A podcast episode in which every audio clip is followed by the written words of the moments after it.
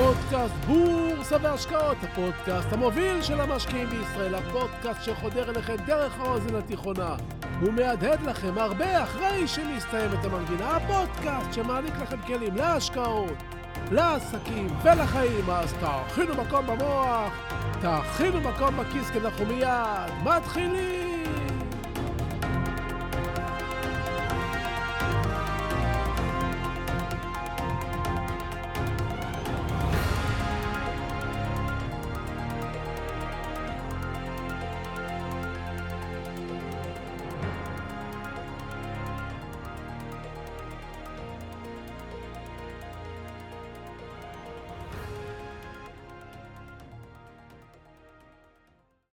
ההתפתחות שלנו בחיים כבני אדם, כמשקיעים וכאנשי עסקים, תמיד חייבת להיות רוחבית.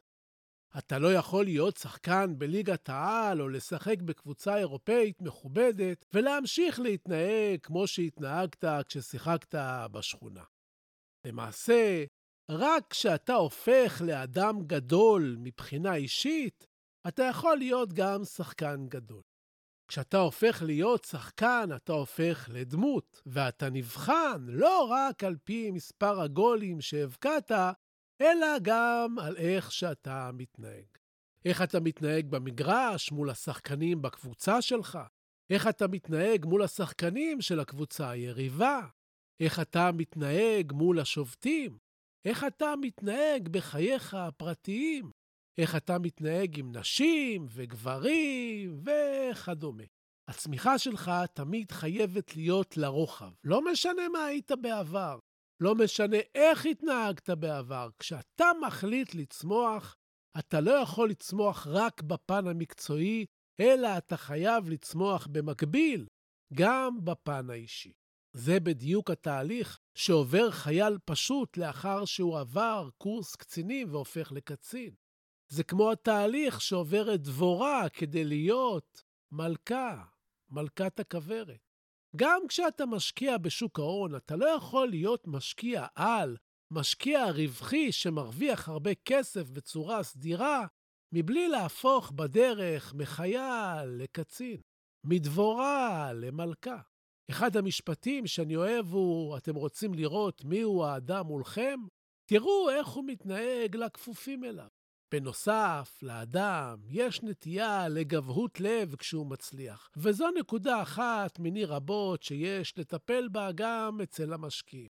זה מזכיר לי שלפני כ-25 שנים, כשהוצאתי את ספרי הבורסה הראשונים שלי, הם חוללו סנסציה של ממש בעולם ההשקעות.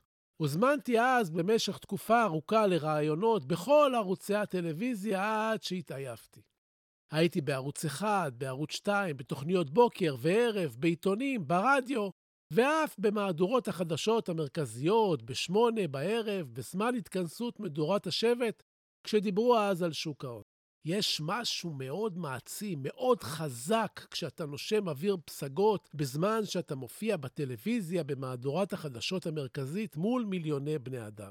הסחרור הזה יכול לגרום לך לחשוב שאתה הרוקסטאר, ולכן, כדי ליצור איזונים ובלמים, מצתי לעצמי הרגל קבוע. הפתרון שסיגלתי לעצמי אחרי כל הופעה בתוכנית כזאת היה כזה. בדרך הביתה, בדרך כלל מהאולפנים בירושלים או בתל אביב, הייתי מתקשר קודם כל אל אמי עליה השלום. אמי עליה השלום צפתה בי באדיקות, והייתי שואל אותה, אמא, איך היה? הייתי נהנה לשמוע אותה מתמוגגת מנחת, לא לפני שהיא הודיעה כמובן לכל מי שהיא מכירה בעולם שצביקה יהיה בטלוויזיה בערב בחדשות. הסיבה שהתקשרתי קודם אל אמי הייתה ההרגשה שאני מסב לה נחת, שאני מפצה אותה על הימים בהם הייתה הולכת ליום מורים בבית הספר, ושומעת מהמורים עליי את המשפט הקבוע. הילד חכם, אבל הוא לא משקיע את המאמצים בלימודים, או לפי ההגדרה הפדגוגית, הנעל אינו ממצה את מלוא יכולתו. בשיחה ההיא, בדרך הביתה, סגרתי מעגל עם אמא. הדבר השני שעשיתי דרך קבע כשהגעתי הביתה אחרי שיחה עם רעייתי והילדים והעברת רשמים הוא לשטוף כלים, להחזיר את עצמי לקרקע. כמו הייתי אומר לעצמי, צביקה, אל תעוף, תישאר צמוד לקרקע. בסך הכל היית בטלוויזיה. דיברת, חזרת. וזה עזר לי מאוד בימים שההצלחה ההיא יכלה לסנוור אותי. לאחת התכונות שהכי הרשימו אותי אצל ברק אובמה אחרי שנבחר לנשיא, נחשפתי בסרטון בו אובמה עובר במסדרון בבית הלבן עם הפמליה הגדולה שלו, ואז עוצר ליד עובדת ניקיון שעמדה שם, יוצא מהפמליה, וניגש לשאול לשלומה. זה חידד לי את הסיבה מדוע הוא נבחר לנשיא, למרות שלא אהבתי את המדיניות שלו לגבי ישראל. ולמה? למה אני מספר לכם את זה? חכו חכו, כי אנחנו מיד ממשיכים! שלום וברוכים הבאים לפודקאסט בורסה והשקעות, הפודקאסט המוביל של המשקיעים בישראל. והיום נדבר על אנשים, על חשיבה קבוצתית, על הבורסה, אז פשוט תישארו קשובים, תהיו ממוקדים, תכינו מקום במוח, תכינו מקום בכיס, כי אנחנו מיד ממשיכים!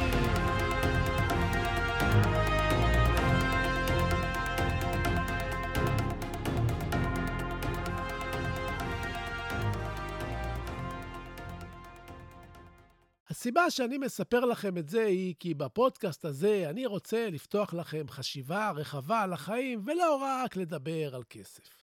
הדרך לכסף עוברת דרככם כבני אדם, ואתם חייבים להבין את זה. כשאני מסיים כל פרק בפודקאסט, אני אומר לכם, תהיו טובים, תעזרו למישהו שצריך. זה בגלל שאלה הדברים שיהפכו אתכם לגדולים לא רק בהשקעות. אלה חלקי הפאזל באישיות שלכם, הנאספים לכדי תמונה שלמה. אתם צריכים לצמוח גם כבני אדם, לעזור, לתרום, ולהתחיל להתנהג כמו אנשים גדולים שכבר הצליחו הרבה לפני שאתם הופכים לכאלה. לסיום החלק הזה, אני רוצה לגלות לכם שלפעמים את ההצעה העסקית הכי טובה בחיים שלכם, אתם עשויים לקבל ממישהו מהסביבה שלכם שמכיר אתכם, מישהי שמכיר אתכם באופן ישיר או באופן עקיף. אנשים בוחנים אתכם כל הזמן ומגבשים עליכם דעה. תחשבו אתם שיש לכם עסקה והייתם רוצים או צריכים לצרף אליכם אדם נוסף. מדובר בעסקה טובה שאפשר להרוויח בה הרבה כסף. במי הייתם בוחרים מסביבתכם? במי לא הייתם בוחרים? תשאלו את עצמכם איך אתם יכולים להיות אלה שיבחרו בהם. החיים מפתיעים. אתם יכולים לקבל הצעה שתייצר לכם רווח של עשר שנות עבודה בלי מאמץ, רק בגלל שמישהו מחזיק מכם. תמיד תזכרו שלפעמים מי שמכיר אתכם לא פחות חשוב ממי שאתם מכירים. תבנו מותג, תהיו אנשים גדולים, תתחברו עם אנשים חיוביים, שחררו מחייכם בקלות אנשים שליליים או כאלה שמכעיסים אתכם. תעזרו ותפרגנו. לעולם אל תנסו להיראות כמה אתם גדולים בזה שתנסו להקטין אחרים. ובסוף, כמו שאמר רודיארד קיפלינג, לך תהיה הארץ וכל אשר עליה, ועוד יותר מזה, בני, תהיה אדם.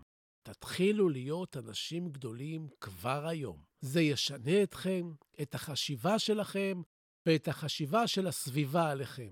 וזה יזמן לכם התקדמות והצלחה. ועכשיו, לבורסה. בשנת 1951 חוקר בשם סלומון אש ערך מחקר. הוא לקח קבוצה של אנשים שהיו חלק פעיל במחקר ושיתפו איתו פעולה. ולכל הקבוצה הזאת צירף אדם אחד נוסף, ששימש כנבדק בניסוי, כלומר, הוא לא ידע שהוא נבדק בניסוי. בניסוי הוצגו לחברי הקבוצה שלושה מקלות בגדלים שונים. הראשון באורך מטר, השני באורך מטר וחצי, והשלישי באורך שני מטרים.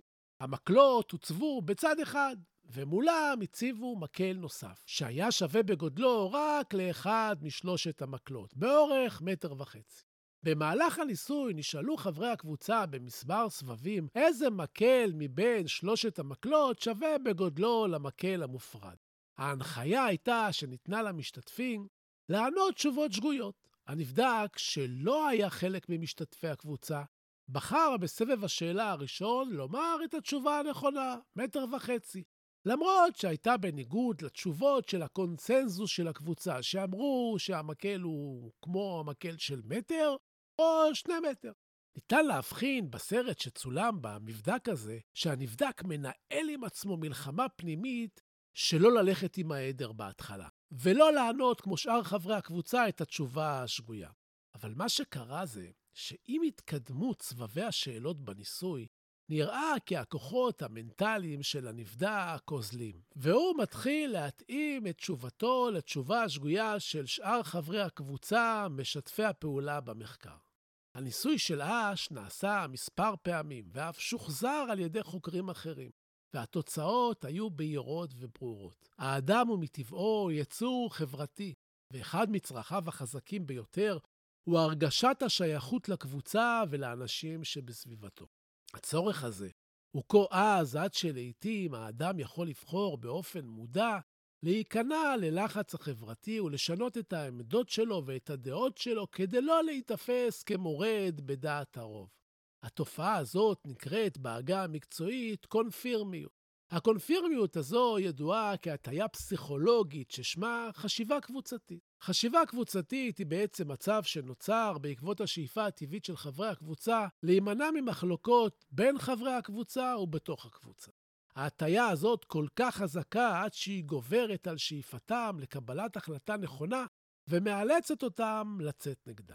איך זה תופס אותנו בבורסה? או, oh, טוב ששאלת. משקיעים רבים ולא מעט חדשים אוהבים להסתופף בקבוצות משקיעים ולחפש מידע חדש. בכל קבוצה יש תמיד מנהיג אחד או שניים או שלושה שקובעים את הטון. המנהיגים האלה אהודים יותר מכולם וזוכים להערכה רבה.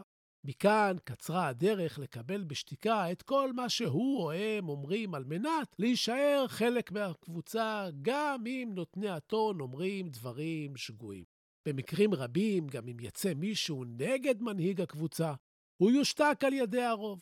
הרצון המשותף לא להפר את האיזון של הקבוצה יוצר דינמיקה של ביטול יצירתיות לפעמים, והטלת ביקורת נוטה להיחנק על מנת להימנע מקונפליקט. מה שנוצר בעצם בפועל זה שדעה אחת או המלצה אחת של מי ממנהיגי הקבוצה הופכת בהסכמה שבשתיקה לאמת של הקבוצה, גם אם זו שטות מוחלטת. ועל כך העיד הניסוי של סולומון אש. החשיבה הקבוצתית גורמת למשקיעים להתעלם מההמלצה על השקעה גרועה רק כדי לא לצאת נגד הקונצנזוס. משקיע חדש שנקלע לקבוצה כזו לא מבין שמדובר בהמלצה בעייתית, מאחר שהוא רואה שאף אחד לא יוצא נגדה.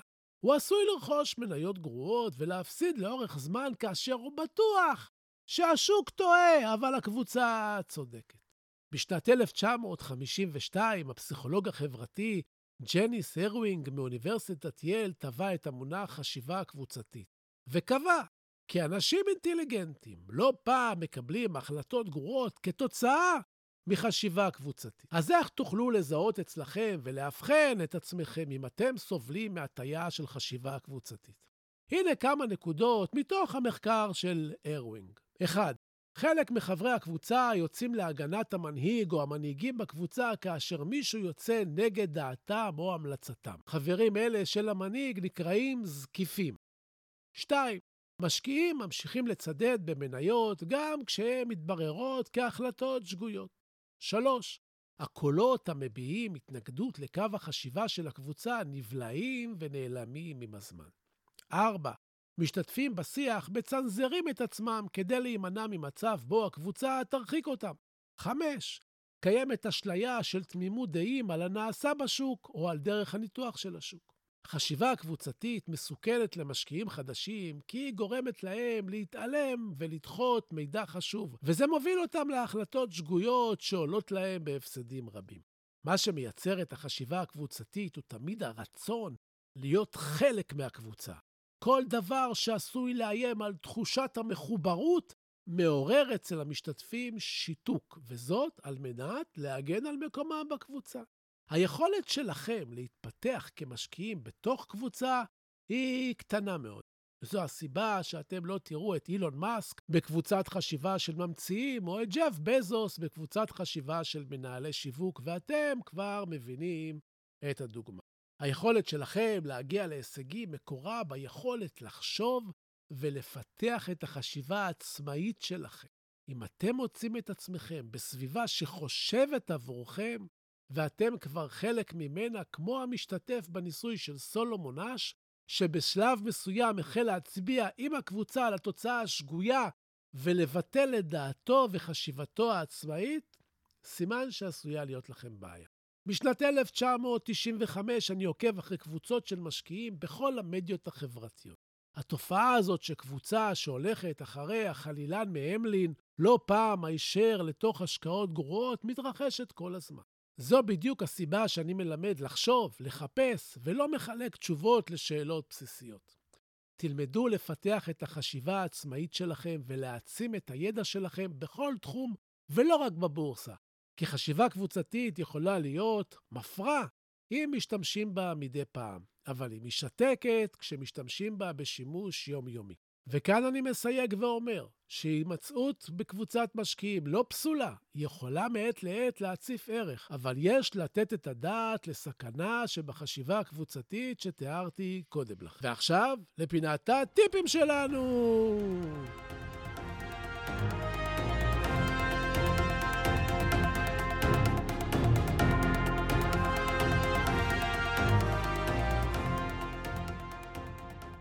פרופסור דן אריאלי, הכלכלן ההתנהגותי הידוע, התראיין לבלומברג, וכאשר נשאל מה אפשר לעשות כדי לרדת במשקל, השיב, התחל עם הסביבה שסביבך.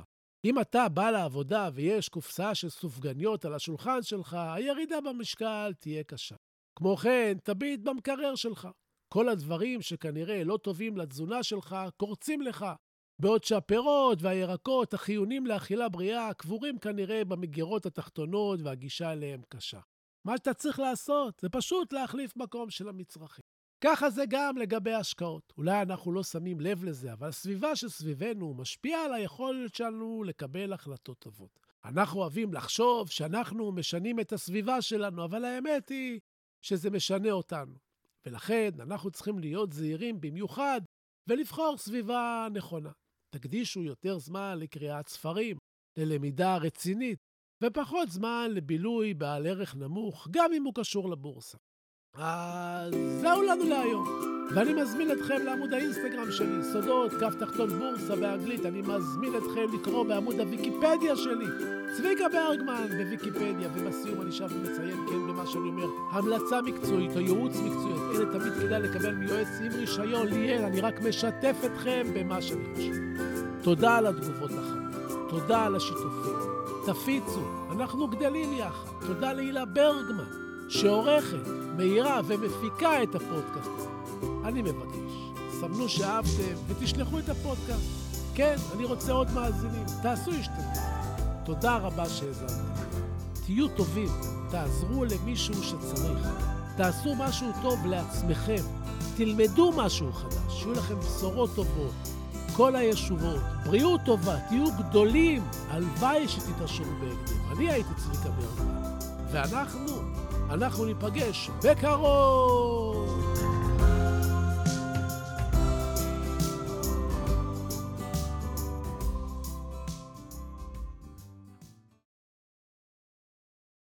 אט-אט גובע פבלו נרודה.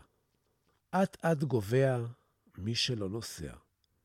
מי שלא קורא, מי שלא שומע מוזיקה, מי שלא מוצא את החן בתוך עצמו. אט-אט גובע.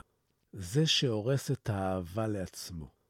זה שדוחה עזרה מושטת. אט-אט גובע. זה המשועבד להרגליו, החוזר יום-יום על אותם המסלולים. אט-אט גובע. זה שלא מחליף את המותג, שלא מחליף את צבע הלבוש, שלא משוחח עם מישהו שהוא לא מכיר.